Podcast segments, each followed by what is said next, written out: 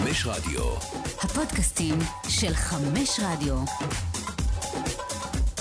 עולים לרגל, פודקאסט על כדורגל ישראלי. איי, עולים לרגל, פרק 141. באמת פרק 141? אתה פרק שני, אבל זה פרק 141. אנחנו... תשמע, תומר לוי פה, אתם שומעים? אני אסף אבולעפיה. יונתן כהן עדיין לא פה, כי יונתן כהן החליט לעשות סוג של טיול שחרור בארגנטינה. הוא נראה לי מה... אחרי שישראל תיקח את המונדיאליטו, הוא ימשיך משם ליורו צעירות. נו, אתה מבין? עכשיו, זה התחיל ב... אני נוסע לשבוע לשלב הבתים ואני אחזור. אז זה מה אומר, ש- טוב, זה מה שהוא סיפר לדנה.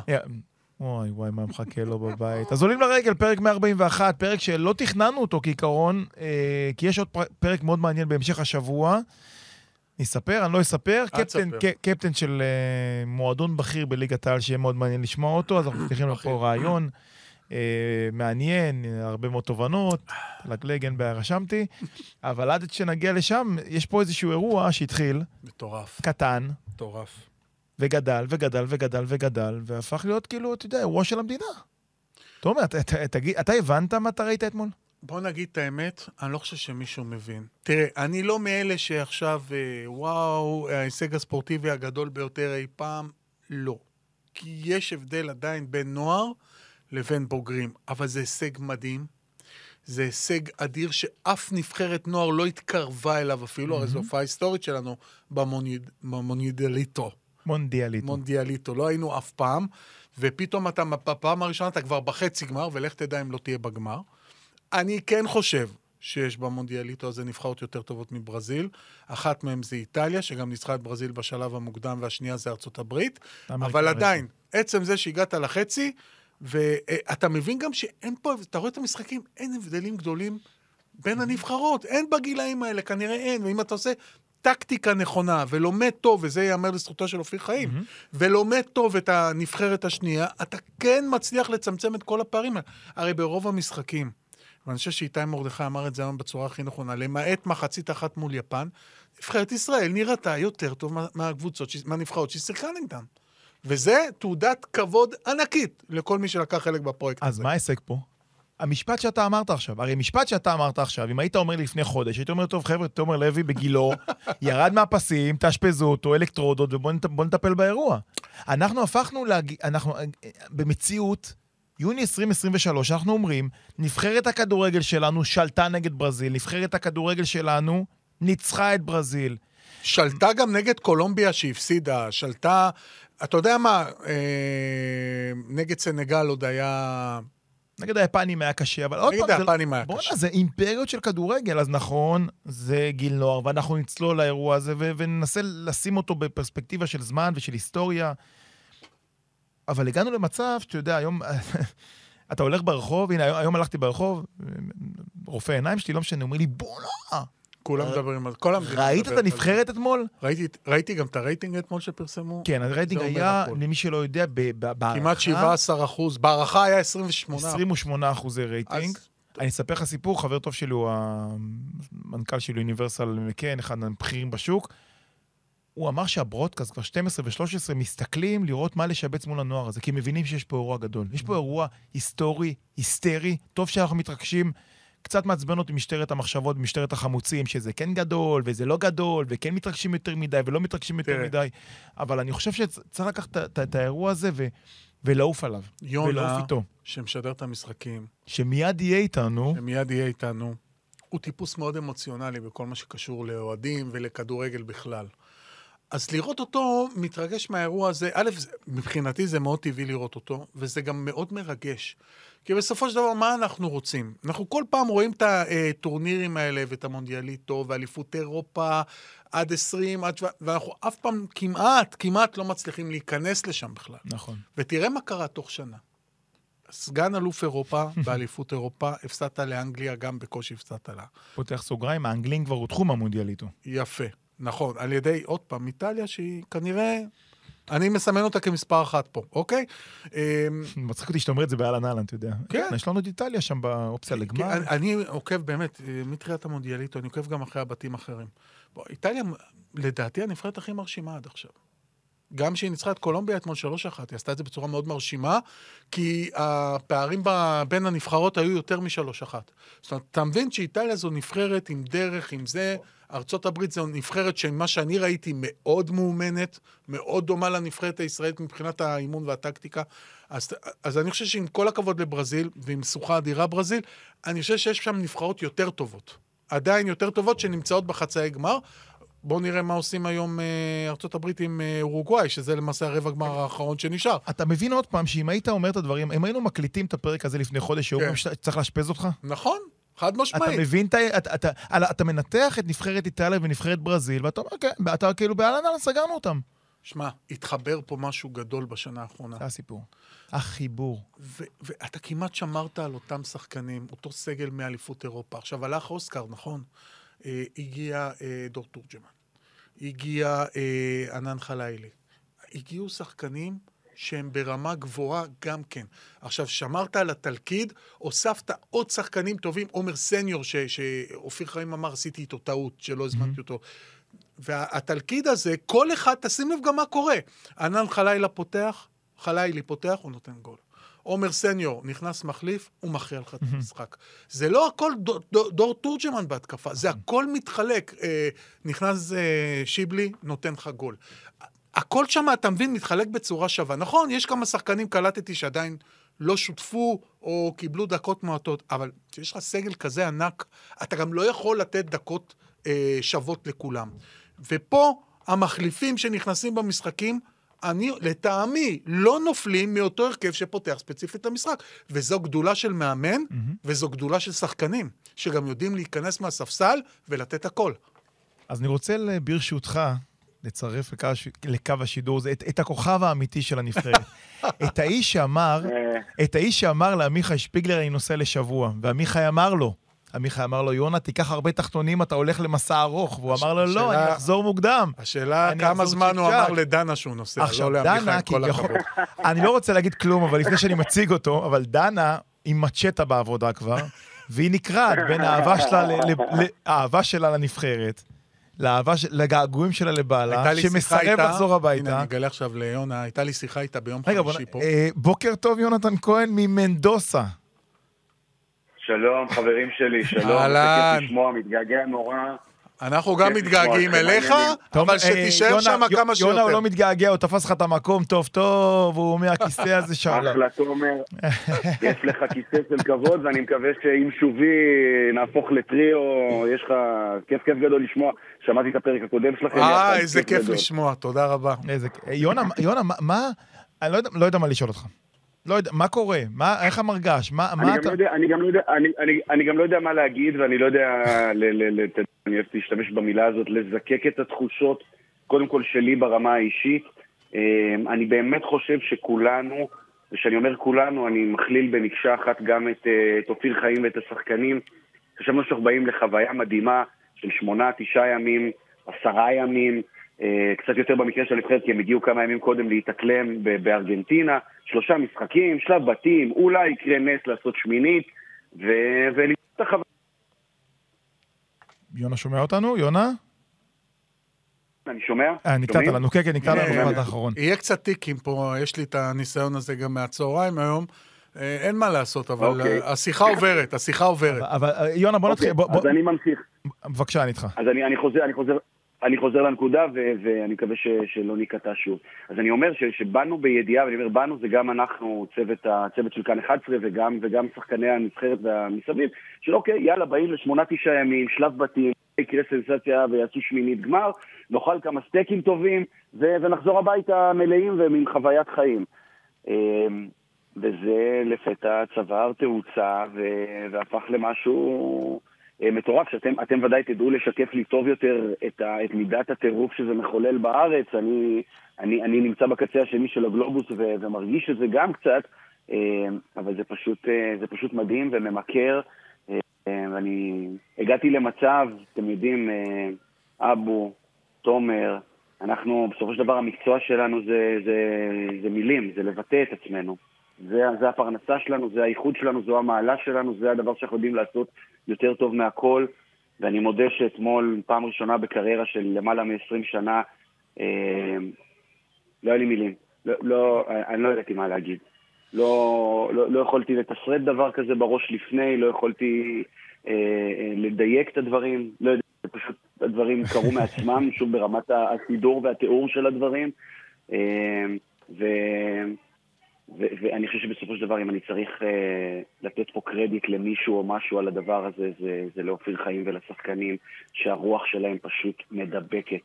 חד, אה, חד משמעית, חד משמעית. אני, אני אני גם אמרתי- ש, ש, כן. ש, ש, יונה אומר, אני לא יודע מה קורה בארץ. אני חושב שהשחקנים לא מבינים. כי אני חושב שנניח, חס וחלילה היו מודחים אתמול, הם לא מבינים מה מחכה, מה מחכה להם בשדה. יונתן, המצב הוא כזה שאין מקום שאתה הולך במדינה ולא מדברים על ולא מדברים על זה. אני חושב אחד הציוצים, וואי, אני לא זוכר של מי, מתאר חלק נדמה לי, איש אה, בובה של לילה, ב- בחסד עליון, כתב אחרי השעה של שיבלי, יש, יש, יש, אלוהים שבשמיים, יש, מי כבש, מי זה האיש הזה, יש, יש, יש. אף אחד לא מכיר את הנבחרת הזאת. והנבחרת הזאת, בלי שאף אחד יכיר אותה, הפכה להיות השיחת ברזייה, שיחת בית הקפה, שיחת פינת הקפה הכי גדולה בישראל. זה מטורף לחלוטין, ואני חושב שהילדים האלה, אולי בגלל שהם כביכול ילדים, למרות שהם לא באמת ילדים, זה 18, 19, 20, הם, הם, הם לא מבינים כמה זה גדול, וזה, וזה מדהים. ודיברת על אופיר חיים, מבחינתי ההצלחה זה אופיר חיים, ומדברים עליו הרבה, אני חושב שאם הוא רץ לבחירות עכשיו, הוא עושה 35 מנדטים קהל. ש... אבל, אה, אבל ה- ה- היו שני רגעים מבחינתי שאני למה הנבחרת מצליחה? שאופיר, בטח יונה זוכר את זה, בתחילת הטורניר, הוא אמר דבר כזה, תומר, הוא אמר, אני רוצ... אנחנו הגענו לפה בשביל להוכיח שיש כדורגל בישראל. זה לפני המשחק הראשון. ולפני המשחק נגד. ברזיל, הוא אמר, דבר מדהים, הוא לא, סליחה על הביטוי, אה, חרטט כמו לא מעט ליג- כן, מאמני לא, ליגת אנחנו העל. קשה, אנחנו, אנחנו באים לעלות לחצי גמר, והוא אמר את זה. גם אתמול. אנחנו רוצים לעלות לרבע גמר, וחצי גמר, ושמינית גמר. הוא מכוון כל הזמן גבוה, וזה המסר שכביכול המסר שמחלחל לקבוצה שלו בצורה נהדרת. אני לא מדבר על איכויות טובים, לא טובים, זה לא מעניין בכלל. ברגע שנבחרת באה בראש לנצח, אתה רואה את זה על המגרש. ורואים את זה, יונה, בכל הכוח. יש לי שני דברים להגיד. אחד, על החלק הראשון של הדברים ועל העמידה שהעניין הזה מעורר בארץ, וכמו שאתם משקפים לי אותו, אז אנחנו בנקודה קריטית. באמת, וחשובה מאין כמותה, שאני מקווה ש- ש- ש- שנדע לנצל אותה, ואני אומר נדע, ואנחנו וכולי, כי מה שנקרא, אנחנו, אנחנו אוהבי הכדורגל הישראלי. אנחנו חלק מכת שהרגישה שהולכת ומצטמצמת, אה, אתה יודע, לכדי פיד בטוויטר וקהל קטן, ואנחנו רואים את הרייטינג של משחקי הגביע וליגת העל ו- ואת היקפי ההאזנה שלנו והצפייה בנו. אנחנו יודעים שהסיפור הזה של ספורט, המקום של ספורט וכדורגל ב- ב- בחברה הישראלית, איפשהו הלך והצטמצם בשנים האחרונות. אז כן, גמר ליגת אלופות זה אירוע חריג, ואולימפיאדה זה אירוע חריג, ו- ו- וכמובן אה, מונדיאל זה אירוע ש- שמרתק אליו למסך. אני חושב שמה שקרה אתמול, אני מסתכל גם על נתוני הרייטינג, ושוב, על מה שאתם משקפים לי, מה שקרה אתמול זה שכדורגל ישראלי הגיע לבתים וללבבות של אנשים שלא ראו, הם לא קהל היעד, או כאלו שהלכו והתנסו בשנים בדיוק, האחרונות. בדיוק. וזה רגע, רגע עוצמתי וחשוב מאין כמוהו שצריך יהיה לדעת. אתה יודע מה, לעזוב למנף, לשמר אותו בשלב ראשון. אה, וגם, אתה יודע, זה גם יופי בשבילנו כ- כנאום תשובה לכל מיני נשמות טובות שבאות ואומרות, כדורגל ישראלי, כדורגל ישראלי. אז וואלה, יש פה, יש פה באמת רגע והזדמנות, ואתה יודע, צריך לדעת לחבק את זה. מהמם. עכשיו, אני רוצה טיפה, יונה ואבו, למנף את זה, ולהגיד שאתם רוצים כאילו, וואלה, בוא, בוא, בוא נשמור על הגחלת הזאת ונרחיב אותה, ופה בדיוק הבעיה. כי היום דיברתי עם כמה אנשי מקצוע ברמה מאוד מאוד גבוהה, וכולם אמרו לי, אני מציע לאותם חבר'ה, כן? כל מי שיש לו עכשיו באמת הצעה מאירופה, לקחת את ההצעה ולא להסתכל אחורה, לא לחזור לכאן בקיץ לכדורגל הישראלי. שאלתי למה. למה? רציתי לדעת למה. כי ישכחו מהר מאוד. כי כל השחקנים האלה, 60-70 אחוז מהם, לא יצליחו להשתלב בהרכבים של הקבוצות שלהם בליגת העל. ואז ההתקדמות שלהם תיעצר באיזשהו שלב. עכשיו, נתנו לי גם דוגמאות. אתה יודע מה אפילו אני לא ידעתי? אילי פיינגולד. אחד המצטיינים, יונה, זה מדהים. בטורניר הזה, נו, אין לו חוזה במכבי חיפה לעונה הבאה.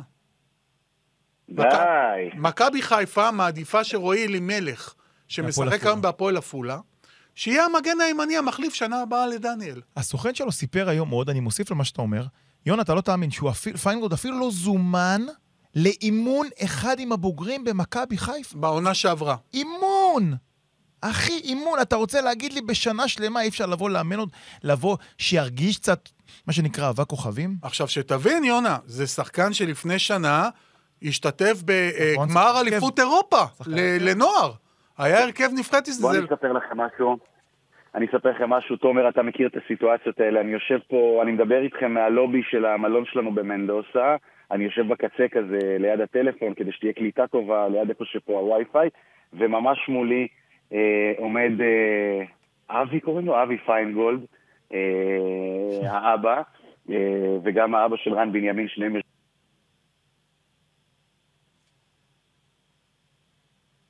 אה, זה משהו מדהים, יש לזה צדדים, הרוב הצדדים הם מרגשים ומהממים, יש גם צדדים, כמו שאתה ודאי מכיר טוב מאיתנו, תומר, אה, פחות יפים, וואו. אה, של הורים של שחקנים, אבל, אבל, אבל שוב, הכל ממקום באמת של רגש עמוק כלפי הילדים שלהם, אז אני לא שופט לרגע, אה, אבל נמצא פה אבא של פיינגולד, וטוב, נו, אני בעד, שמספר ש, שיש התעניינות, התעניינות גדולה מאוד בילד, ושהטלפון לא מפסיק לצלצל. אה, ואני נדהם ממה שאתה אומר. תשמע, אני חשבתי שכשבאנו לפחות לדבר על הסיפור הזה, חשבתי שרק מכבי תל אביב מפספסת את דור תורג'מן, שנסע לפה בלי חוזה, ועושה פה, ועושה פה, ועושה פה טורניר יוצא מן הכלל, שיהיה מאוד מעניין לראות אם בכלל מכבי תל אביב תצליח לשמור עליו, אם בכלל יכולה להגיש לו משהו אטרקטיבי. זו אה, שאלה מאוד מאוד גדולה. שאלה מאוד מאוד גדולה. פה, זהו, אז פיינגולד פה אמרנו אה, שכן, שהוא מקבל מלא טלפונים וזה, ואני ביני לבין עצמי, היה לי מין תחושה כזאת, שמכבי חיפה, כל השחקנים הצעירים שלה, יש לה חוזים לחמש ושש שנים קדימה, שכולם משוריינים. אתה אומר לי עכשיו שהוא שחקן חופשי, תקשיב, זה... מה זה שחקן חופשי? כמובן, הכי- כמובן שקבוצה שתרצה אותו תצטרך לשלם דמי השבחה. זה לא חופשי לחלוטין, כן, אבל אבל עדיין מה? זה מגמד מאוד את העניין. כן, מה זה, מה זה, מה זה דמי השבחה לעומת אה, חוזה והעברה ודברים כאלה? אה, אני חושב, אני, אני רואה את, את רוב המשחקים בטורניר, אני חושב שהוא אחד השחקנים המצטיינים בטורניר באופן כללי, אוקיי? אני מסכים אה, איתך. כושר גופני אה, משוגע. יש לו זה- כושר גופני. יש לו כושר גופני, יש לו הרמות. מצוינות, הוא תומך הכל 18. בהתקפה, הוא סוגר בהגנה, הוא פשוט מגן מודרני לכל דבר וברמה מאוד טובה. וצריך להגיד את האמת, יונה יודע יותר טוב מאיתנו, או מקרוב, משהו התחבר לו גם באליפות הזאת, מה שהוא עשה, הוא עשה עוד, כדי, בדיוק- עוד קפיצה בדיוק- תוך כדי האליפות.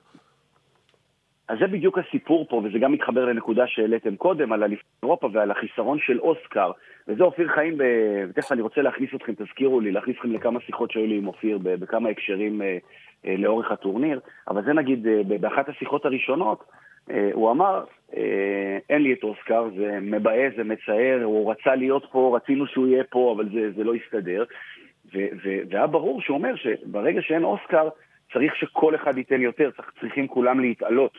ואז הם מדברים בעצם על, ה- על העומק של הסגל ועל הניהול, ניהול הסגל של אופיר חיים ועל ההתעלות של כל השחקנים, בעצם הבינו שאין אוסקר, אין את העשר הגאון ש- שיודע לתת את הפסים ולסיים בעצמו, וכל אחד נותן מעצמו יותר. וזה בא לידי ביטוי בכולם, תשמעו, נגיד סתם, אפילו בוא ניקח שחקן שהוא לא שחקן הרכב בנבחרת הזאת, אה, רן בנימין, וואו. ש- שחזר מהרחקה אתמול, ועלה מהספסל, ועלה מדהים. הוא היה אה, פנטסטי. ושון אדרי שעולה, שעולה לכמה דקות, נכון? אה, וכך גם אחרים, כולם התעלו, ודור תורג'מן, שלא היה טוב באליפות אירופה, עושה פה, עושה פה קונצרטים של, של, של חלוץ ש, שלא היה כמותו בישראל כבר כמה שנים טובות. ויונה, פתאום מאוד לכל מאוד זה, יפה לראות, את- כן. אתה, אתה מוסיף שחקנים שזה תכלס פעם ראשונה שלהם בנבחרת, אם זה ענן חלילי, ואם זה חמזה שיבלי. שיבלי. שפתאום נכנסים, עכשיו, עכשיו תראה, בוא, אתה יודע מה יפה פה? ואמרתי גם קודם לאבו, אה, ענן חלילי לטעמי מול קולומביה היה השחקן המצטיין, לטעמי, אוקיי? נכון. שני נכון, משחקים נכון, אחר כך, הוא לא שיחק. לא שיחק, נכון. הוא שיחק כמה דקות במשחק השני מול סנגל, וזהו, מול, אה, מול אה, יפן, הוא נכון. עמד על כל... ואז פתאום הוא נותן לו לפתוח במשחק אה, בשמינית הגמר מול אוזבקיסטן. עוד פעם, שער ניצחון, אחר כך פותח עוד פעם עוד שער נגד... אגב, שער של וירטואוז, היה. שער מדהים, השער. הנגיחה. אה, אה, אתה מבין? אז הוא יוצא, אז דור תורג'מן נותן את הגול. אז חמזה שיבלי נכנס, הוא נותן את הגול שוויון מול ברזיל. עומר סניור נכנס מחליף, הכריע את המשחק מול... כל אחד תורם את החלק שלו. אם זה מהספסל, ואם אתה פותח, אתה לא מרגיש הבדלי רמה. נכון. ופה נכנס עוד אלמנט שאנחנו לא מכירים אותו, והלוואי ונזכה להכיר אותו, וזה הסיפור של אה, דינמיקה של נבחרת, דינמיקה של קבוצה בתוך טורניר גדול. אלה דברים שאנחנו לא מכירים בכדורגל שלנו. אנחנו מכירים קמפיינים שהם נמשכים לאורך שנים, ושם זה ניהול אה, ארוך טווח עם פיקים של פעם בחודשים. פה אנחנו מדברים על דינמיקה בפרק זמן קצר, במקום אחר, רחוק. אה, שוב, הכדורגל הישראלי לא מכיר כאלה, אבל אנחנו רואים אבולוציות של נבחרות תוך כדי טורנירים. אה, ואתה יודע, סליחה שאני נתלה באילנות גבוהים, אתם יודעים, סליחה, וסליחה שאני נתלה באילנות גבוהים, אבל ראינו את ארגנטינה במונדיאל האחרון לפני כמה חודשים, פותחת קטסטרופה, לא משחקת כדורגל טוב שלושה ארבעה משחקים וזה מסתיים בגביע, אנחנו רואים את ספרד בשעתו, פותחת בהפסד נכון. לשוויץ, ודברים מתחילים לנוע, ופה קורה תהליך דומה של נבחרת שמתגבשת ומתבשלת תוך כדי תנועה, של שחקנים שמשתפרים תוך כדי תנועה. אה, אתה יודע, דיברת כזה בחצי עדינות כזה על שחקנים ש, ש, שהם טיפה פחות, ש, שמצופה מהם אה, לא עשו את זה. וזה נראה לי, אם אנחנו מנתחים לעומק, אז זה הולך לכיוון של נגיד טאי עבד, שהוא נורא נורא קרוב, אבל לא מצליח לתת את הגול הזה עדיין. כן, הטורניר הזה פחות נכון טוב מבחינתו. ובוודאי שזה נכון ממש ב- ב- ב- לגבי, לגבי אריאל לוגסי, שאנחנו יודעים בדיוק מה הוא שווה, ראינו אבל- אותו גם במכבי פתח תקווה ובאליפות אירופה, ולטורניר הזה הוא עוד לא הגיע. אבל יונה, מה זה מראה לך? מישהו, מישהו, נבחרת. מה זה מראה לך? זה מראה לי, א', זה מראה לי שני דברים. אחד, שהמאמן סומך עליו ומאמין בו, ושתיים, באיך שהטורניר הזה מתפתח, אם תגיד לי שלוגסי נותן פתאום צמד בחצי גמר נגד... אה, אתה לא יהיה, תתפלא. אני לא אופתע. ומה אני אמרתי בדיוק. לך שאנחנו ככה הסתמסנו לפני כמה ימים? אמרתי לך, לא משנה כמה לוגסי לא יהיה טוב, הוא לא יוציא אותו מהרכב. נכון? אתה זוכר שאמרתי לך את זה? אגב, אגב, אגב, לא, בוודאי שאני זוכר. ואגב, דבר דומה ראינו עם אילי מדמון, שהיה... נכון. אני, אני עכשיו יכול להגיד...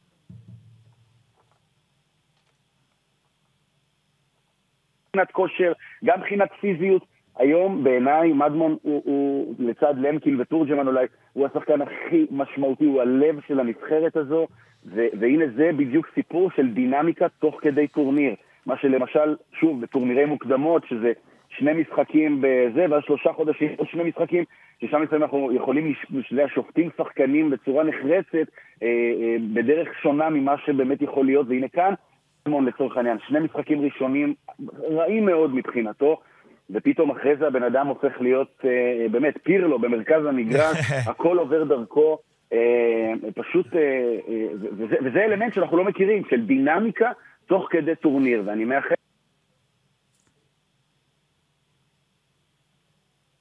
אה, ושוב, זה מבליט בעיקר את יכולות הניהול של אופיר חיים. עכשיו- ואם אני יכול עוד איזה מונולוג קצר, כן, כן. בטח, מה זה? כן, אנחנו רק באים אנחנו לך, יונה, פה אנחנו רק. בשביל אה, שיהיה לך מדי פעם עם מי לדבר. אתה לא, הוא חופשי. מדבר רק עם אושרת, הוא לא מדבר אף אחד חוץ מאושרת. אני רק אזכיר, בזמן שאתה צוחק רק, שזו נבחרת, וזה צחוק בצד, לא עשתה אפילו משחק הכנה אחד לפני המונדיאליטו. האחד. אין, הם לא היה זמן, לא היה נכון, זמן. נכון. עכשיו, גם זה מראה זמן, לקח להם זמן להתניע. קולומביה, סנגל, יפן, ופתאום אתה מתחיל להתניע. אני אגיד לך למה. שזה גם עוד אני אלמנט. אגיד לך למה. כי חלק מהשחקנים האלה, והוא נתן דוגמה פנטסטית על אה, אילי מדמון, הם לא שיחקו. יפה. הם לא שיחקו עונה שלמה. עכשיו, אז ואז אני- הוא מגיע, הוא לא יכול פתאום להתחיל במאה את ברור. המשחקים. הוא, הוא לוקח לו זמן להיכנס לכושר, לקבל את הביטחון. עוד פעם פתאום מאמן נכון. שמאמין בו, שנותן לו לשחק. וגם במשחקים האלה שיונה ציין שהם היו פחות טובים למדמון, הוא לא הוציא אותו. יפה. הוא לא נתן לו לצאת. אגב, אצל אלון חזן בנבחרת הצעירה, לפני שהוא מונה לבוגרת, מהמם. היה את אותו דבר, ולדעתי זה חלק מהסוד הצלחה שהיה לנבחרת הצעירה.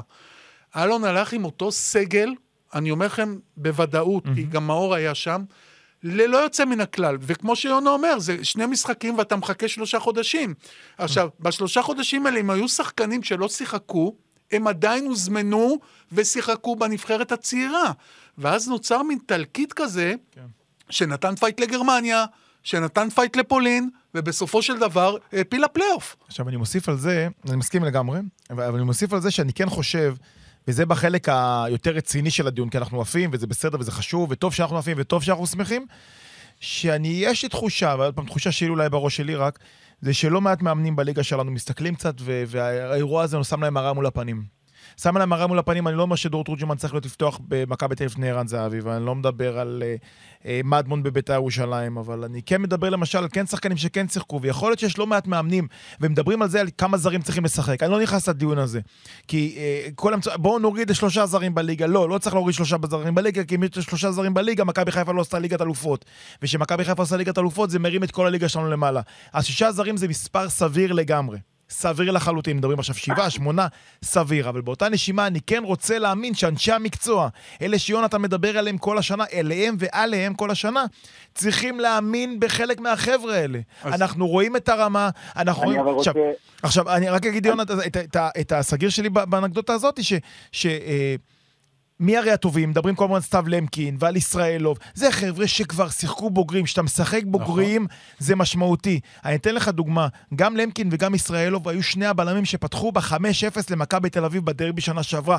הם כבר הם מבינים מה זה משבר תוך כדי משחק, תוך כדי תנועה. ולמקין היה במשחק ההישארות של הפועל תל אביב נגד קריית שמונה, אז הוא מבין מה זה לחץ של קהל, ולחץ של תקשורת, ולחץ של מדינה.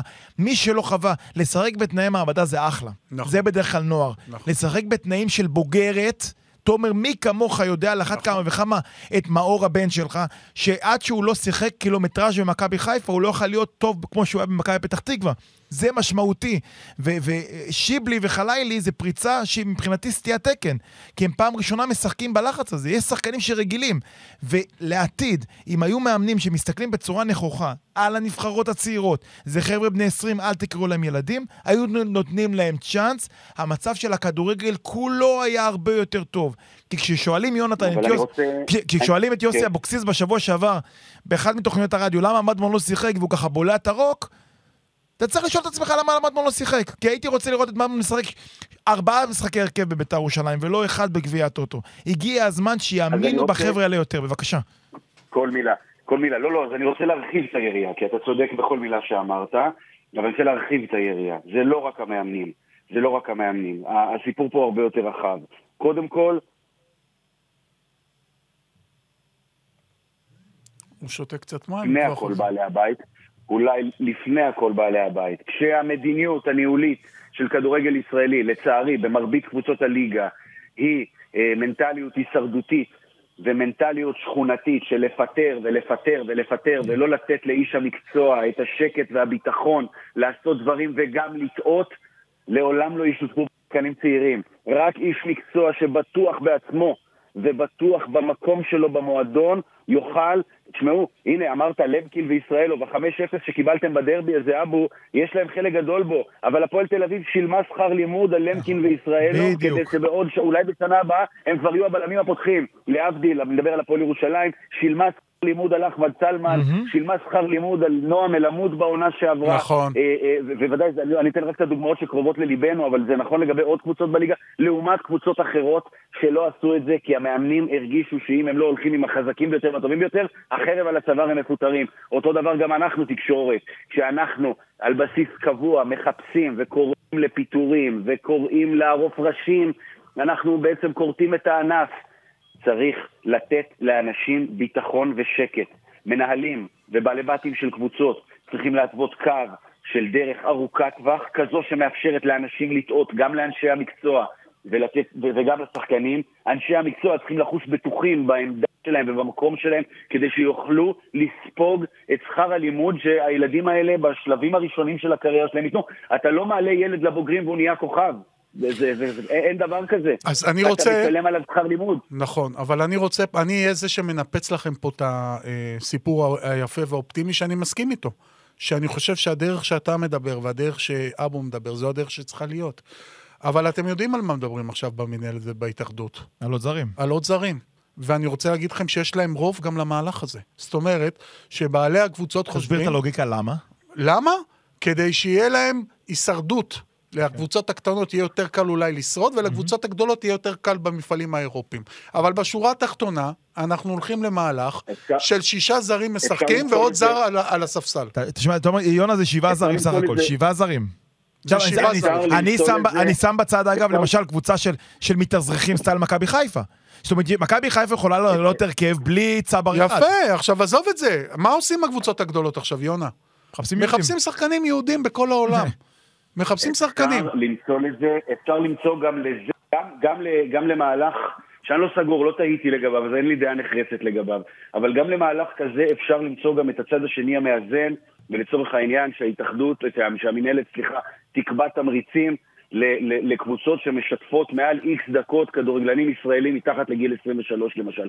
שבעה זרים, עשרה זרים בכיף, אבל מי שמשתף ישראלי מתחת לגיל מסוים, ממוצע גיל מסוים, כמות מסוימת של דקות, אה, מקבל איזשהו כן, מענק, מקבל איזשהו תמריץ. יונה, לפתור יונה, יסלחו לי, ראינו את זה בכדורסל, זה לא עובד. כל הקטע של לשחק ארבעה זרים וישראלי, לפעמים הישראלי נראה כמו אחד שמחזיק להם את הנר. זה לא המטרה שלנו בסופו של דבר, אני חושב. זאת אומרת, לא צריך תמריצים. כי בכל מקום שיש תמריצים, ימצאו את הדרך גם לעקוף אותם. עכשיו, אני לא אומר, לא צריך, גם אפליה מתקנת צריך לעשות בצורה חכמה. עכשיו, לא צריך. צריך לתת, צריך להסתכל בצורה, כמו שאמרת, בצורה אמיתית. בעיניים ולהגיד אוקיי, אני רוצה, כמועדון, אם מכבי חיפה ומכבי תל אביב משקיעות הון, הון על מחלקת הנוער, הם רוצ, לא רוצים לראות פירות? אני לא יודע מה להגיד לך, אבל... מכבי תל אביב למשל, תגיד, מה עושים בכדורסל? נכון? אם אתה משחק במפעל האירופי, אז מותר לך זרים חופשי. נכון, ואם אתה משחק בליגה הישראלית, אז יש תקנה שאתה חייב לשתף מספר ישראלים בחמישייה, נכון? נכון, ארבעה זרים. צריך לעשות דבר כזה. זרים. צריך לעשות דבר כזה גם בכדורגל. אוקיי, אירופה חשובה לקבוצות הגדולות, סתם אני יוצא עכשיו, בתיאוריה, תשתפו ב- ב- במפעל האירופי כמה זרים שאתם אבל אתה רוצים. מודח, מה אתה עושה? אתה מודח באוגוסט? אבל בסדר, אה, אבל, אה. אבל אתה לא יכול למחוק לגמרי. כמה, כמה מתאזרחים יש היום במכבי חיפה? עכשיו? מדברים על דניאל שיהפוך להיות מתאזרח, יש לך עלי של מוחמד. מתאזרח, רוצים להביא עוד יהודי, ויש לך שישה זרים ובדרך לשבעה. אותו דבר מכבי תל אביב, שסבורית הולך לקבל את האזרוח, נכון? ויש לך את ונון בריים שהוא יהודי, ויש לך חוץ מזה עוד שישה זרים. נו. אז לאן אתה הולך עם כל זה? אבל איך מכבי תל אביב... מורזוב בביתר ירושלים, אתה- ועוד שישה זרים. אתה מסקר את מכבי תל אביב, אתה מכיר את מכבי... איך מכבי תל אביב אומרת, מסתכלת היום במראה ואומרת, אוקיי, אני לא אומר דור תורג'מן זה הכוכב הגדול של מכבי תל אביב, איך אנחנו לא מאמינים בשחקן כזה? עכשיו, תראה, אני, כל הקטע עם דור תורג'מן זה כמו אוסקר ורוי גלוך. רביבו מה? ורוי רביבו- ורוי רוי- רביבו, רוי- מה? רוי מכ- רביבו מתוכנן להיות במכבי תל אביב בעונה הבאה כשחקן רוטציה להילחם על עמדת המגן השמאלי, אוקיי? זה אבל- אני, אבל- וגיא מזרחי הוא על לא עמדת המגן הוא הימני. לא צריך לקבל את הדקות בהפועל ירושלים, הוא היה צריך לקבל את הדקות במכבי תל אביב. אבל, אבל, לא.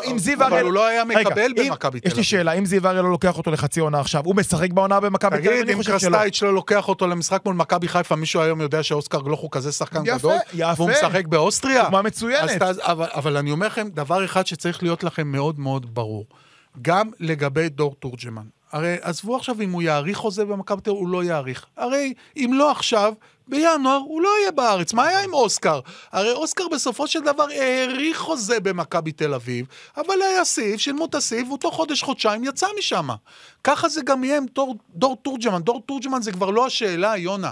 דור תורג'מן, לדעתי, במכבי תל אביב סיים, אם זה עכשיו או אם זה בעוד חודשיים-שלושה. הוא לא יהיה פה. השאלה היא מה עם השחקנים האחרים? מה עם רועי רביבו? מה עם גיא אה, מזרחי? מה עם עידו שחר? מה עם בר כהן? מה עם כל השחקנים האלה? זה כבר החשיבה צריכה רוי להיות. רוי נאווי, זאת צריכה להיות החשיבה. מה עם פיינגולד? מה עם שיבלי? מה עם זיו בן שימול? מה עם אה, אה, ענני חלילי? זאת צריכה להיות החשיבה עכשיו. לא על השחקנים שכבר אין מה לעשות. ואני חושב שגם מכבי תל אביב יודעת שבמקרה של דור תורג'מן, גם הארכת חוזה, זה חרטא, סליחה על הביטוי. נכון, פדיחה. פספוס. אני רוצה ללכת ל-level הבא רגע, זה לא ה-level הבא בעצם, זה אולי אפילו טיפה לחזור אחורה, ו- וכאן לצערי אני אצטרך אה, לסיים, אה, למרות שאני ממש מתענג על כל שנייה, גם להקשיב לכם ובעיקר לשוחח, או, או סליחה, גם לשוחח אבל בעיקר להקשיב לכם, אה, זה רגע על אופיר חיים, על האיש אה, ועל איש המקצוע. אז אני חושב שהפוקוס באופן מיידי הולך ל- ל- לסיפור הזה של הרוח, ועל היכולות המנטליות המופלאות שלו, ועל ניהול הסגל, ועל התקשורת הבין-אישית המאוד מרשימה שלו, שבאמת מייצרת גם מחויבות מאוד גדולה של השחקנים כלפיו וכלפי המשימה.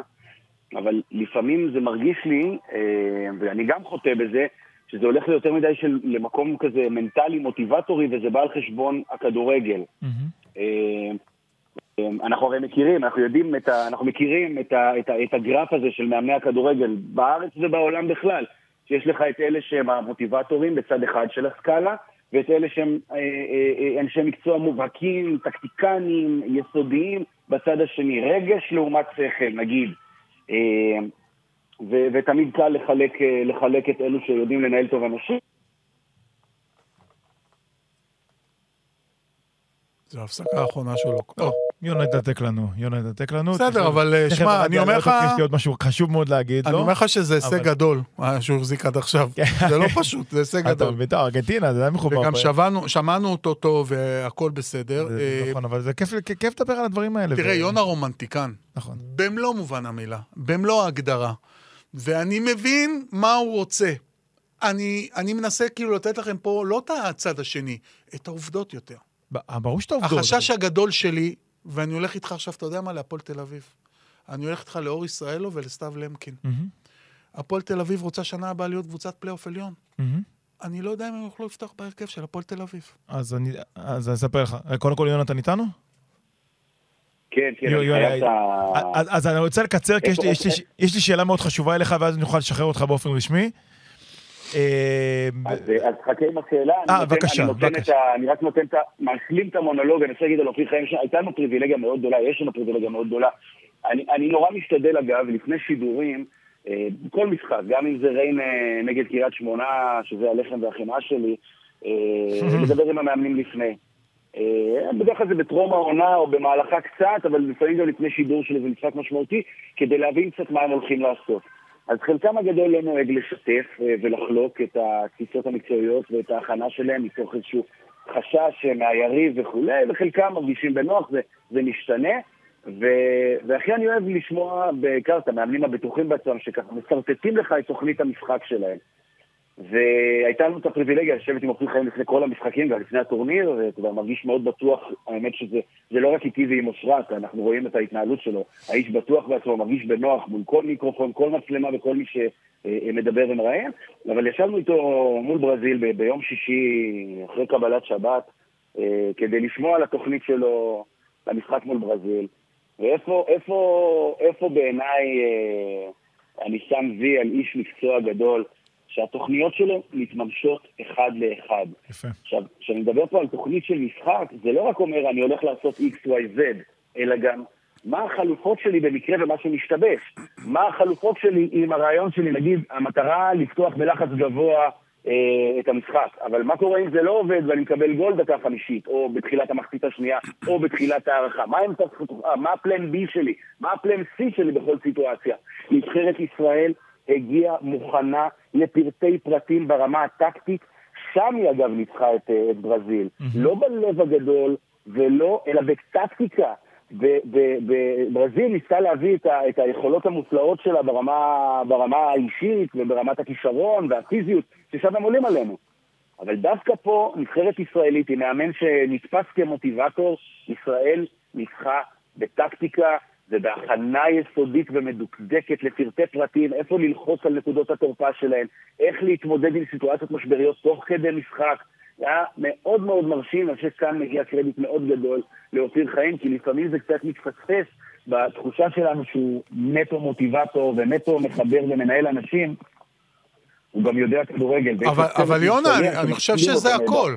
אני חושב שזה הכל. זה מה שאתה ציינת, זה הצורה שאני רואה איך הוא מתייחס לילדים, איך הוא מדבר איתם, תוך כדי משחק. מתאר לעצמי שיש שיחות אישיות כן. והכל, אבל תוך כדי...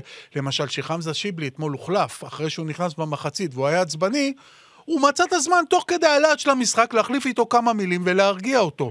אותו דבר עם דור תורג'מן שהיה לפני uh, שני משחקים. אותו דבר, הוא נותן את התשומת לב לכולם, גם לאלה שלא משחקים בכלל, גם לאלה שנכנסים כמה דקות. זה משהו, אגב, שלדעתי המאמנים הבוגרים מאוד מאוד לוקים בו בארץ. מאוד לוקים בו, למעט אליניב ברדה שראיתי מקרוב שהוא עושה את זה גם תוך כדי משחק. מאמנים אחרים הולכים תמיד עם הכוכבים ולא אכפת להם מהשחקנים אחרים. פה יש מאמן שדואג לאחרון שחקני הספסל. עכשיו, אני אומר, טקטית, אתה צודק באלף אחוז, והוא גם מאמן טוב, עזוב אותך כל הדברים מסביב. עצם זה שהוא יודע לתת את ההתייחסות, זה גורם גם לאחרון השחקנים לקפוץ בגולים, לשמוח, למרות שהוא יודע שהוא כנראה לא ישחק דקה בטורניר הזה, וזו חלק מהגדולה של אופיר. יפה, אז אני תכף אשחרר את לא, יונה, כי לא, הוא... לא, כי הוא- מה? כי- כי זה- תראה, לפני, בתקופת הקורונה, אה, תומר, אני יודע שאתה מאזין הדוק, אה, אני ויונתן הקלטנו הרבה מאוד פרקים קצת על-זמניים. ואחד הפרקים העל-זמניים היה אה, שידורי, עשרת שידורי הספורט הגדולים בהיסטוריה, אוקיי? עכשיו, ממליץ בחום, זה נמצא גם אצלנו, גם בספוטיפיי, אני ממליץ להאזין, זה אתה, מה, שאני, מה שאנחנו אוהבים לקרוא הסאונדאפים הגדולים, יונה בוודאי זוכר את הפרק הזה. עכשיו, אני לא אתחיל לדרג את יונתן, כן? כי אנחנו משוחדים, ויונתן זה משפחה שלי ואהוב ליבי, אבל אה, אה, יש לי שאלה. מאיפה הבאת את העושה מרדונה על אדמת ברזיל, על, אדמת ארגנטינה. כי זה היה נראה כמו מרדונה. יפה. עכשיו, אה, לפני שיונה עונה, אני אגיד לך, ששאלתי את יונה באותו פרק, שהוא כביכול על תקן השדר הוותיק, ואני על תקן הצופה בדרך כלל והאוהד, אז הוא אמר, תשמע, קח בחשבון, כל אלה שחושבים שבאים משפטים מהבית, אין. זה מה שיוצא באותו רגע מהלב ומהנשמה, וזה מה שהוא אמר אז, ונראה לי שזה תופס גם הפעם. אז מאיפה הבאת את המרדונה, עושה, על- אה, עושה מרדונה על אדמת על ארגנטינה, זה top, top, top. קח את זה בחשבון. אה, אה, כן, טוב, אתה עשית לי פלשבק רגע לאתמול. אה, אני לא יודע, אני אני גם לא יודע... אני- אה, כן, טוב, אה, אתה מחבר אותי לצד, לא לא נעליים גדולות, אלא מיקרופונים ענקיים, אז אני, אתה יודע, מבדיל את עצמי מאחרים, שבאמת רגעים איקונים בשידורי הספורט של ישראל, ואתה שואל אותי מאיפה זה בא לי, אני אני אתוודה. קודם כל לא חשבתי על זה, זה באמת הרגיש, הוא הדהים אותי במהלך הזה, וזה יצא לי ספונטני. אבל אני יכול להגיד לך שהשתמשתי בזה פעם אחת. זה- זה מחזור. רגע, רגע, רגע, רגע, זה מה. רגע, עכשיו זה לא פעם ראשונה שהוא עושה את זה, הנוכל הזה. גם שלמה, הנה, אספר לתומר, אתה מכיר את המשפט שלמה תחזיק אותי בשש-שתיים כן, של מכבי באר שבע? הוא ניסה את זה על מומי זפרן לפני שהוא ניסה את זה על שלמה שרף, במשחק בסכנין. כן, יונה, מה עשית הפעם? מחזרתי, שוב, זה בא לי ספונטני, לא התכוונתי לשלוף, לא לא- לא העליתי על דעתי שאיזשהו שחקן יעשה דבר כזה. טוב, לדעתי זה מוריד אותך עכשיו כמה מקומות בעשרת הגדולים. אין שום בעיה. איפה, אני אגיד לכם גם איפה עשיתי את זה. תשמע, אה, לפעמים, איך זה, איך זה עובד, נגיד, קומיקאים גדולים אומרים שהם לפעמים מנסים את הבדיחות שלהם על אה, קהל קטן, ואחר כך הם, או נגיד זמרים, נכון. מנסים את השירים, שירי הביטורים שלהם באולמות קטנים, ואחרי זה באים להיכל התרבות וקיסריה. אז, אה, אז אני את הדייגו ארמנדו תורג'מן, שאגב, גם קטע הזוי, תפס פה בדרום אמריקה, זה, זה, נהיה, זה נהיה ויראלי פה בארגנטינה וכולי, זה מוזר, זה מדהים. את, את דייגו ארמנדו תורג'מן עשיתי לראשונה, ובפעם האחרונה, עד אתמול, אה, במשחק, שימו לב לזה, בין הפועל חדרה למ"ס אשדוד, בי"א, בקורונה, בריאון? שגיא דרור, שיחק- אה, זה- תגיד, שגיא דרור, שיחק אז בהפועל חדרה, דפק שם איזה דריבל מטורף, גול די דומה למען האמת, ויצא לי, יצא לי, יצא לי משהו כזה. אה, חוץ מאבא שלו, אף אחד לא זוכר ולא זכר את זה, איש יקר אגב, אבא שלו. ו... וזהו, אז כן, ניסיתי את זה על קהל קטן ומצומצם ביום ראשון בשבע, בחמש live, אה, במשחק בין חדרה. חדרה לאשדוד. נפלא. ו- והפעם, והפעם על במה קצת יותר משמעותית, זה הרגיש, זה הרגיש אה, תפור. אדמת ארגנטינה וכאלה, זה מה שנקרא התאמה לסיטואציה. גדול. אבל אה, כן, יאללה, אחלה חשיפה אבל הבאתי, אה? הבאת. אחלה חשיפה. ואתה יודע, זה- סליחה שאני מחמיא לך בפניך, אבל זה הגדולה של יונה. שהוא, עכשיו, מה שהוא נתן עכשיו זה בעצם יונה, שהוא נתן את הדוגמה עכשיו על המשחק של חדרה באשדוד. והוא יחזור עוד חודש, הוא ישדר את משחק של חדרה נגד אשדוד. באותה הוא התלהבות אותה ובאותה תשוקה. באותה התלהבות ובאותה תשוקה, שהוא שידר את הרבע גמר, או שהוא שידר את המשחק מול אוזבקיסטן, או את המשחק העלייה מול יפן עם הדמעות, והוא ישדר את זה אותו דבר, וזו הגדולה של יונה. ואני, ואין, מו- אתמול כתבתי לו בפרטי, אז אני אומר את זה גם פה, קבל עם ועדה, אין מאושר ממני שמי שמשדר את אולי רגע השיא של הכדורגל הישראלי, לא ידרג, לא ידרג בחיים, אבל הוא- איך מרגעי השיא, אחד מרגעי השיא. אחד מרגעי השיא בעידן הנבחרות, זה שהאיש הזה משדר את זה שהוא, שהוא כל כך אוהב את הכדורגל הישראלי וכל כך מחובר אליו וכל כך מאמין בו, נכון. ו- ושלא תפסיק לבכות, יונה, שתבכה גם בחצי גמר, שתבכה גם בגמר, שתבכה גם בנחיתה, שתבכה אני שתגיע לפה, ושתבכה שתבכה גם במשחק במחזור הראשון בגביע הטוטו. אני בוכה גם עכשיו שאני שומע אתכם, אני אוהב אתכם. תודה רבה, תודה רבה על השיחה, ויאללה, ניפגש אה, בעזרת השם עוד, אה, אה, לא יודע, בפרק הבא, נשב ביחד. בטח, בעזרת השם, אינשאללה. יאללה, נסיעה טובה, יש לך נסיעה טובה, לבואנוס איירס, לא? ו- שתחזור עם כן, גביע. את- את יודעת, עומר, אין- מילה- הלוואי, אין הם מי- מאמינים. אין מילה שיונה אמר בשבועיים האחרונים יותר ממנדוסה. אני מנדוסה, מנדוסה, מנדוסה, מנדוסה, מנדוסה. השם שלך- כבר? בדסק, זה יונתן מנדוסה, קח את זה בחשבון. מי היה מאמין שעיר קטנה ומנומנמת במערב ארגנטינה, על הגבול עם צ'ילה, תהפוך למקום כל כך משמעותי בכדורגל הישראלי, זה הזיה. גדול. כל מה שקורה פה הזיה, ו- כולל החיבור הרגשי וגם זה שחזור. וגם זה שחזור, בבקשה. יונתן, שיהיה בהצלחה, ובאמת, באמת, רק. תהנה עד הסוף, רק תהנה. היידה געגוע. תודה חברים, אמן. תודה, מתגעגע. ביי ביי.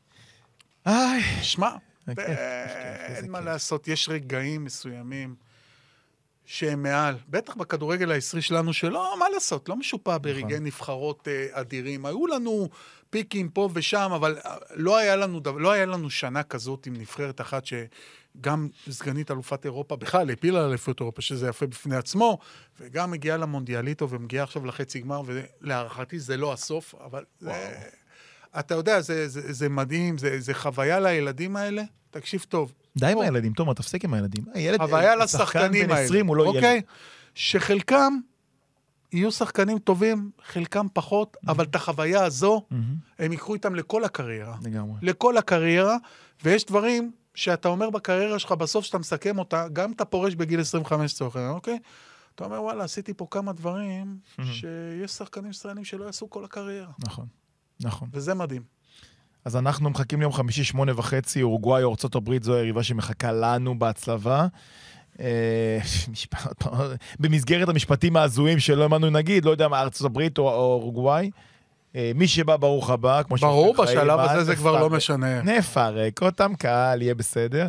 אבל יש עוד דברים בכדורגל הישראלי, כי, כי באמת, זה מצחיק, לפני שבוע אמרתי, גם אמרתי לך, יאללה, יוצאים לפגרה, יהיה רגוע. אז בוא לא נראה, מאז. שאמרנו רגוע. אסור לדבר איתי על רגוע גם, אתה יודע. אתה אסור. לדבר איתי על רגוע. אתה, דרך אגב, אצלך יחסית רגוע. איזה רגוע? יחסית. שכחת מה הלך פה יום חמישי? יחסית רגוע, אבל uh, דברים קורים, ודברים קורים, וה, והניוז הכי גדול שמגיע, היום אנחנו מקליטים את זה בתחילת השבוע, זה המאמן החדש של הפועל תל אביב. Uh, מייקל ול... ולקניס זה שמו. Uh, הרבה דובר מי יהיה המאמן של הפועל. ידענו שזה זר, דיברנו על זה הרבה מאוד זמן, היה כל מיני ניסיונות לדחוף את רן בן שמעון, זה פחות קרה, כי הצ... לא כשקרה שרן בן שמעון מאמן רחס וחלילה, רן בן שמעון רן מאמן בן שמעון מאמן מצוין. פנטסטי, אבל יש פה מגמה מסוימת של מנהל מקצועי מסוים בהפועל תל אביב, אה, שרוצה ללכת על מאמן זר. אז אה, נספר, דיברנו על זה בשבוע שעבר, נספר שזה מינוי של ניק המונד, כל הכבוד, הוא האיש שאחראי על האמון על הצד המקצועי ועל הבנייה של הפועל תל אביב. שואלים אותי מהבוקר מה אנחנו יודעים על האיש הזה, אז ניסיתי קצת לקרוא, שהאזנתי לו, דיברתי עם איזה מישהו שמכיר אותו אין יחסית שלו. תראה, הוא לא אימן הרבה בוגרים. כן, הוא בן 48, יש לו רזומה מאוד עשיר בעבודות, גם באקדמיות, נכון. גם במועדונים הרבה יותר גדולים מהפועל תל אביב. גם חלק כעוזרי מאמן. הולנד, בלגיה, בעיקר כעוזרי מאמן, כמאמן ראשי הוא לא היה. אז אפשר לקרוא לזה סוג של הימור, כי אנחנו יודעים מה קורה שמגיעים... זה סוג של הימור. בסדר, ברור, זה חד, חד משמעית. כל יכול מה- להצליח, אבל זה סוג כל של הימור. מאמן זר שהגיע, זה יכול להיות הימור, אבל זה יכול להיות מנדיונדו, כמו שאוהדי הפועל תל אביב חוששים, זה יכול להיות גם פאקו. כן. אנחנו זוכרים גם את זה. לכן אני מאוד מאוד נזהר. להבנתי, מאמן שדורגל בכדורגל מאוד התקפי, כדורגל מאוד לוחץ, מאוד יוזם. זה חלק קצת מהרוח שאנחנו שומעים את המינסברגים גם בהודעות, מי שקורא את ההודעות בין השורות, הם מכוונים כביכול לקבוצה אטרקטיבית, לא נפרק אותם 1-0 על משהו קצת מעבר. אה, מאמן שדוגל בלחץ, מאמן שדוגל. במגנים מאוד מאוד התקפיים, זה מה שדבר ראשון שכתוב עליו בכל טור בערך. אה, הוא בן 48, אוסטרלי יווני, יווני זה טמפרמנט שלנו, למרות שזה מזכיר את דוני, זאת אומרת, לכל משפט אני יכול לבחור לך את הפלוס או את המינוס. על פניו, הימור לחלוטין. היתרון של ההימור הזה כביכול, שאתה מביא זר למכבי תל אביב, אתה דורש ממנו אליפות. כשאתה מביא זר למכבי חיפה בתקופת העשר שנים, אתה דרש ממנו אליפות. ממנו לא דורשים אליפות. אבל אני אגיד לך משהו. אני, אנחנו לא יכולים לשפוט כרגע את המינוי, למרות שזה נראה טיפה תמוה, אוקיי? אבל אה, עם הסגל הזה, הוא לא יכול להצליח. אתה יודע מה היה עם פאקו? ג'ורדי לא אהב את פאקו. לא חשב שהוא מאמן טוב, לכן אחרי שנה עם טראבל הוא הלך הביתה. אבל הסגל היה כל כך חזק, שגם אם פאקו היה מאמן פחות טוב, הוא לקח טראבל כי לא היה מתחרות. פה להפועל תל אביב, עם כל הכבוד למינוי המאמן, שאני שם אותו בצד כרגע, אם לא יהיה פה שינוי דרסטי בסגל, לא יעזור המאמן הזה, וגם לא יעזור אולי מאמן עם רזומה יותר טוב מהמאמן הזה. אתה חייב פה לעשות שינוי רדיקלי בסגל של הפועל תל אביב. אז אוקיי, יש לך את הצעירים שאתה אומר עליהם אני יכול לבנות, לשלב, חלק לפ... הכל. אבל אם אתה לא תביא זרים משמעותיים להפועל תל אביב, אולי רודריגז זה ההתחלה. רודריגז, כי- תסכים איתי, זה זר... בעיה מאוד- אחת רק. לא שיחק. לא שיחק, לא שיחק חצי. שנה. נכון. לא, אך, לא שיחק, לא התאמן במסגרת קבוצתית. אך עם זאת, אנחנו זוכרים את רודריגז של שתי אליפויות במכבי חיפה, מהיציבים בקבוצה, ואם זה היה טוב למכבי חיפה, להפועל תל אביב צריך להיות מצוין. חד משמעית. חד משמעית. עכשיו צריך לראות מה עוד, אוקיי? צריך להיות. דיברת על זרים, אז זובס חתום, חתום. החלטה מצוינת נכון, של חד הפועל. משמעית. אושבולד אנחנו מכירים, חתום, כן. פה זה נגמר. רודריגז. ורודריגז, כן, שלושה זה- זרים טובים. שלושה זרים, להפועל יש מקום לעוד שלושה זרים. שחייבים להיות טובים בשביל שהפועל תל אביב תרוץ למעלה. תחת הניסנובים חיפשו זרים באזור ה-5,000 יורו לחודש, 6,000 יורו לחודש, שכר מגוחך, זה הזרים שהגיעו לפה ברובם.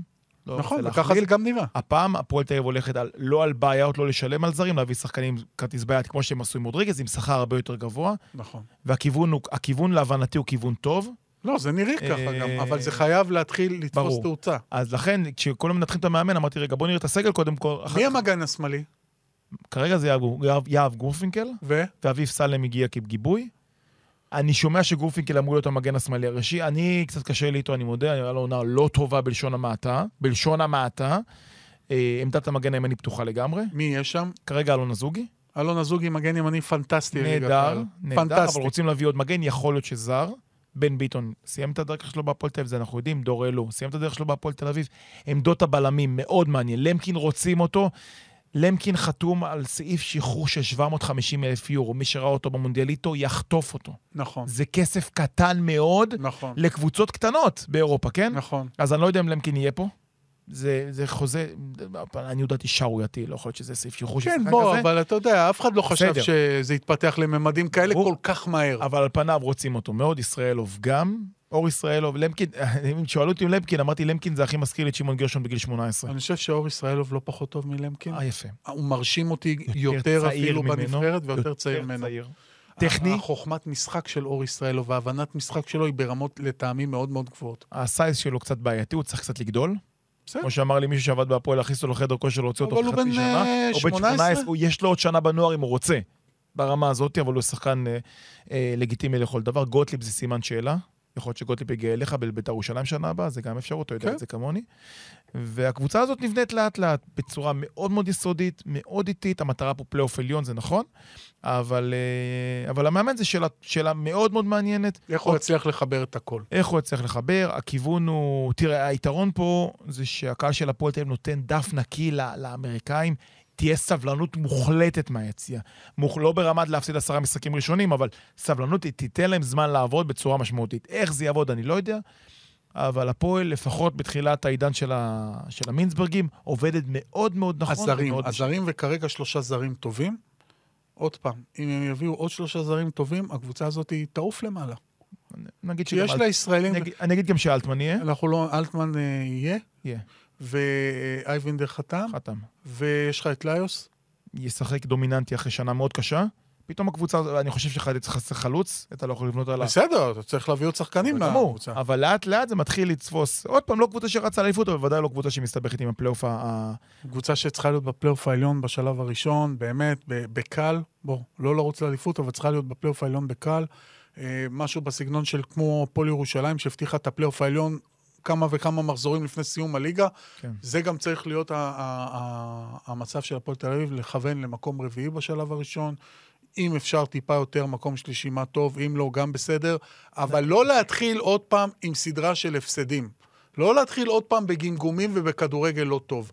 כי אתה מביא שחקנים טובים, אתה מביא אותם יחסית בשלב מוקדם, ואתה צריך להראות איזושהי התייצבות ושיפור לאורך כל התקופה הזאת, לאורך הפועל- כל הקיץ. הפועל כל, ה- כל השנים האחרונות נבנתה בינואר. כי בינואר היא תקנה את כל מה שהיא לא עשתה בקיץ. ואז היא החתימה לשנה וחצי, ואז נהיה גלגל, גלגל, גלגל. כי גם מה שהביאה בינואר לא היה... יפה, בדיוק. אבל הפועל מסתכל על השוק הישראלי, והשוק הישראלים לא טוב, וזה פה מעביר אותי להפועל באר שבע, שמחתימה היום שחקן ראשון, כן, אלון תורג'מן. אלון תורג'מן. אני... עש- עשה- לי סדר, האם זה שחקן ש... זה לא שחקן הרכב. לא הרכב. לא הרכב. במקום שכטר? אה, במקום שכטר, אני אסביר לך בדיוק מה קרה. אה, הפועל באר שבע רצתה את גיא מלמד. גיא מלמד חתם בהפועל חיפה. הפועל חיפה. אה, יש פה בעיות לדעתי שאלונה צריכה לפתור קודם כל בעניין התקציב ושכר השחקנים. אנחנו מבינים ששכר השחקנים לא הולך אה, לגדול, לדעתי הוא גם הולך אה, להיות מצומצם טיפה. ולכן שחקן כמו גיא מלמד מעדיף ללכת להפועל חיפה ולקבל אולי טיפה יותר כסף ממה שהציעו לו. אבישי כהן אותו סיפור. אבישי כהן יכול להיות יחתום בסוף בהפועל חיפה ולא בהפועל באר שבע, כי בהפועל חיפה כרגע מציעים לה יותר כסף. מה קרה לאלונה? איך אתה מסביר את זה?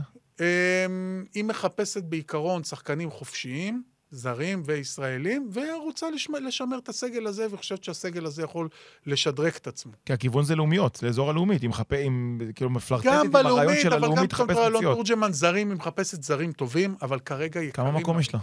לבאר שבע. קודם כל, אנסה ולופז עדיין בסימן שאלה.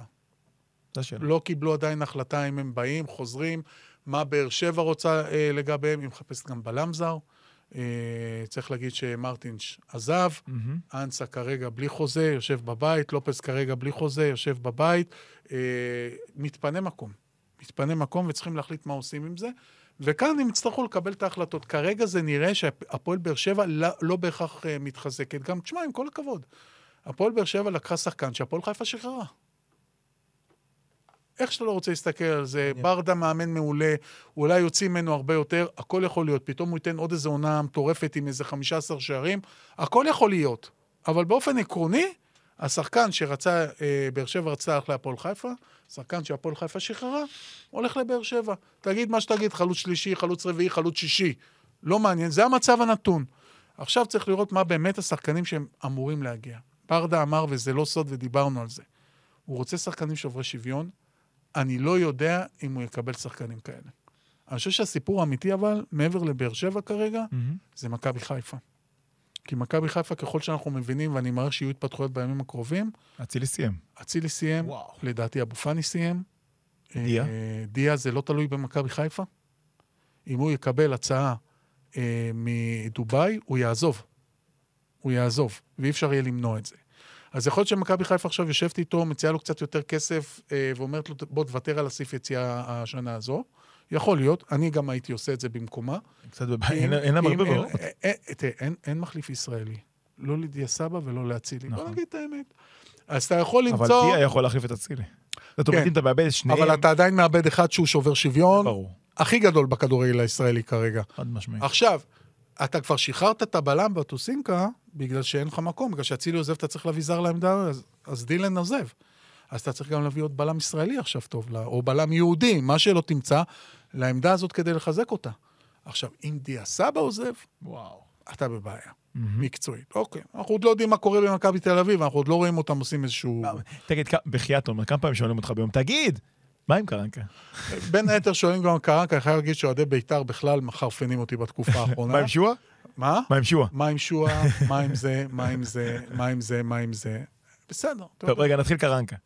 קר- תשמע, אני לא, יודע, אני מתייחס לעובדות. הוא המאמן של מכבי תל אביב. אני לא יודע מה אומרים סוכנים זרים, אני לא יודע מה אומרים סוכנים ישראלים, אני יודע שעברו שבועיים וקצת מסיום הליגה, והוא עדיין המאמן. והוא מצטלם עם יואב זיו. הוא מצטלם עם יואב זיו במחנה אימונים בספרד, והוא אומר עסקים כרגיל. עכשיו, כל עוד זה היה הליגה, ואמרנו עסקים כרגיל, אז סבבה, אתה יודע, אמרנו בוא נחכה לסוף הליגה נראה.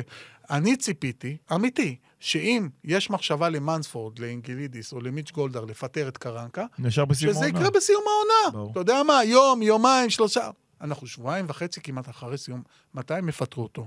שעוד שבוע הם כבר מתחילים להתאמן? מתי הם בדיוק יפטרו אותו? לא נראה לי, על פניו, נראה לי שהוא ממשיך כרגיל כרגע. אה, נראה לי שלמיץ' גולדהר נמאס לפטר מאמנים. נמאס ששלוש, אה, אה, שישה מאמנים בשלוש שנים הלכו הביתה.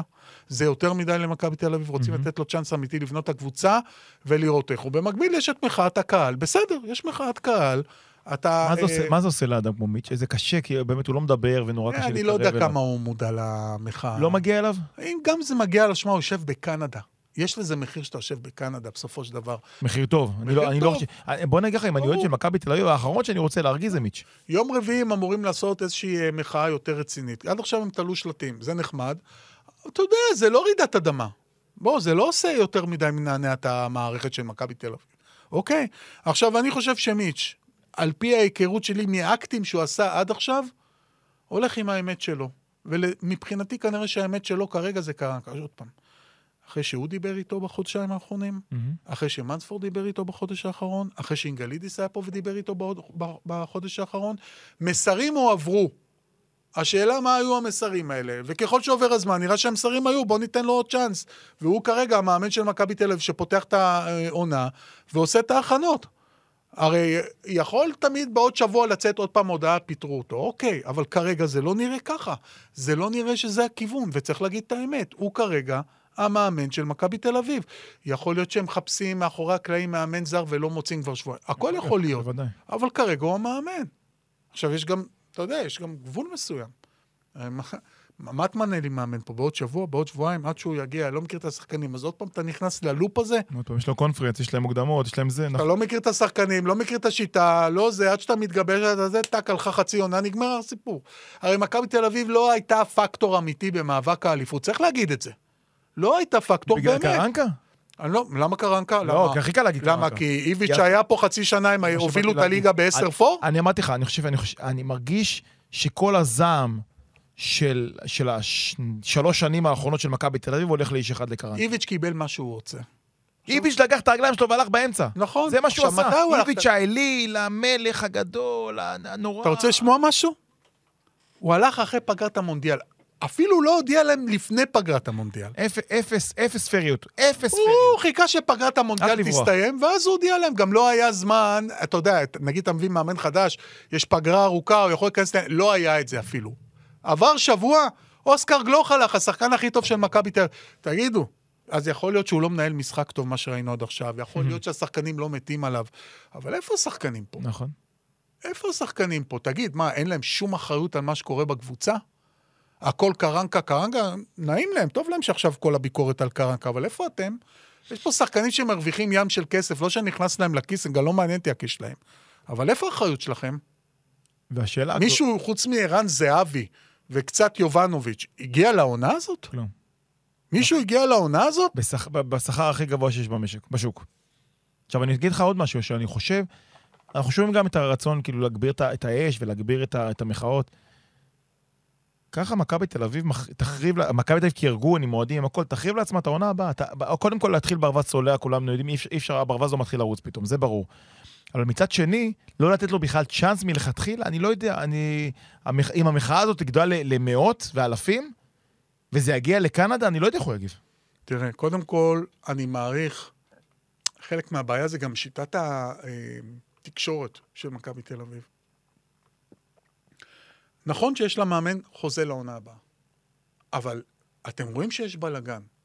יכול להיות שהודעה של מכבי תל אביב, חבר'ה, הוא המאמן לעונה הבאה, יכול להיות שזה מרגיע טיפה את הרוחות. אבל לא כשהקהל לא שומע את ההודעה הזאת, הוא אומר, וואלה, הם גם אולי רוצים לעשות שינוי.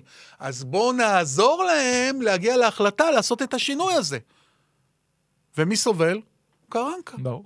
איפה מיץ' פה, שיקבל החלטה, אם הוא קיבל החלטה, כן? קרנקה המאמן, חבר'ה, תוציאו הודעה. אני לא מבין את השיטת התקשרות הזו של מכבי תל אביב. ההודעות, זה עבר מזמנו, אצל ג'ורדי זה נתפס, זה היה להיט קצת, זה, זה כבר לא מתאים. באמת שזה לא מתאים, לא לכדורגל המודרני. זה לא מתאים לזה. אתם גם כאילו באיזשהו מקום משאירים את המאמן שלכם כאילו, אתה יודע, חשוף לכל האוהדים. נכון, שולחים לו הודעות בתקופה האחרונה. וואלה. מה קרה, חבר'ה, בואו. או שהוא המאמן שלכם או שלא, אם הוא לא, תיפרדו. אם הוא המאמן, תוציאו זה איזה לא. הודעת תמיכה, חבר'ה, הוא המאמן. תורידו קצת את סף הראש. קחו קצת אחריות על עצמכם. קחו קצת אחריות על עצמכם.